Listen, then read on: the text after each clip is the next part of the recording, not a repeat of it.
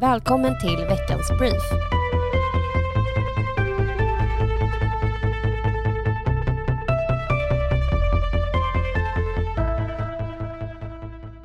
Turerna kring Södertälje har varit många. Moderaterna såg ut att ta makten i ett historiskt maktskifte men stoppades i sista stund.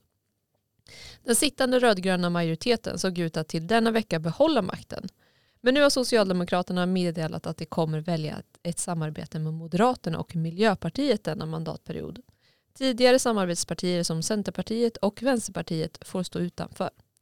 Det nya styret med Moderaterna, Socialdemokraterna och Miljöpartiet förenas i sin vilja att skapa ett stabilt majoritetsstyre för att kunna genomföra nödvändiga reformer. Man har kommit överens i frågor som den organiserade brottsligheten, det svåra ekonomiska läget och tryggheten. Budgeten ska man nu förhandla den kommande tiden och därefter presenteras de satsningar man kommer att genomföra.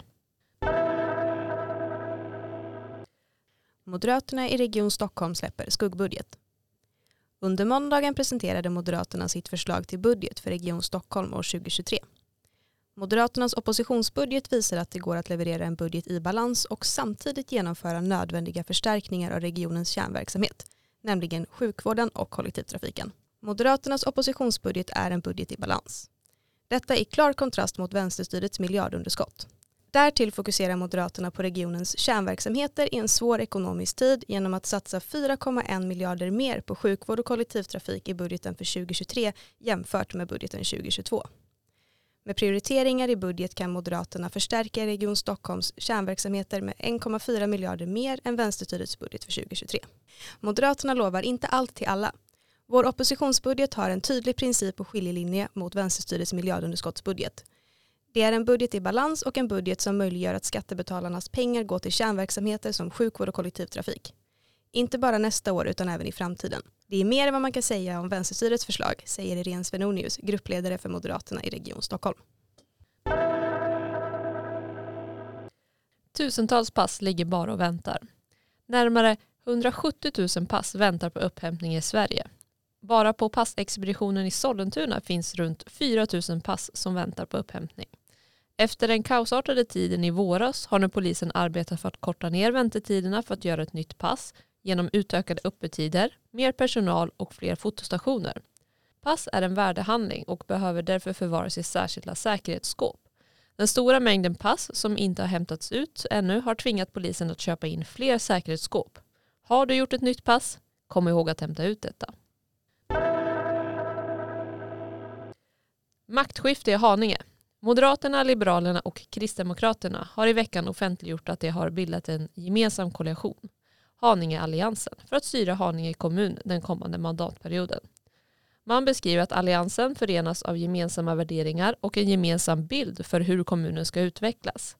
Man är eniga om att Haninge behöver en nystart för att bli en framgångsrik kommun och har identifierat fyra särskilda viktiga områden där kommunen står inför stora utmaningar de kommande åren.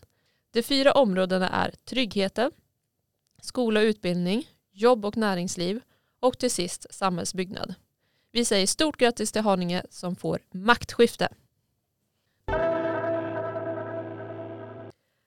Nytt beslut från EU om kvotering i bolagsstyrelser. I veckan klubbades en ny lag igenom i EU om könskvotering i bolagsstyrelser. Enligt den ska samtliga bolagsstyrelser i bolag med minst 250 anställda ha jämställda bolagsstyrelser där minst 40 procent av styrelsen måste vara av det ena könet. Om inte detta efterföljs kommer bolagen bland annat kunna mötas av böter.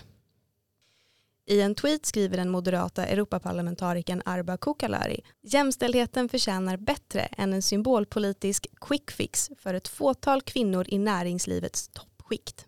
En jobbpolitik för att stärka alla kvinnors ekonomi skulle göra skillnad på riktigt.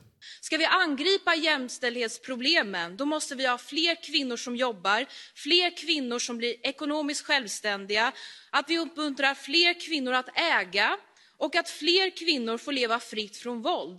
För jag vet en hel generation unga kvinnor som är ambitiösa och drivna, som vill visa vad de går för. Och de vill inte bara sitta i bolagsstyrelser, de vill leda bolagen.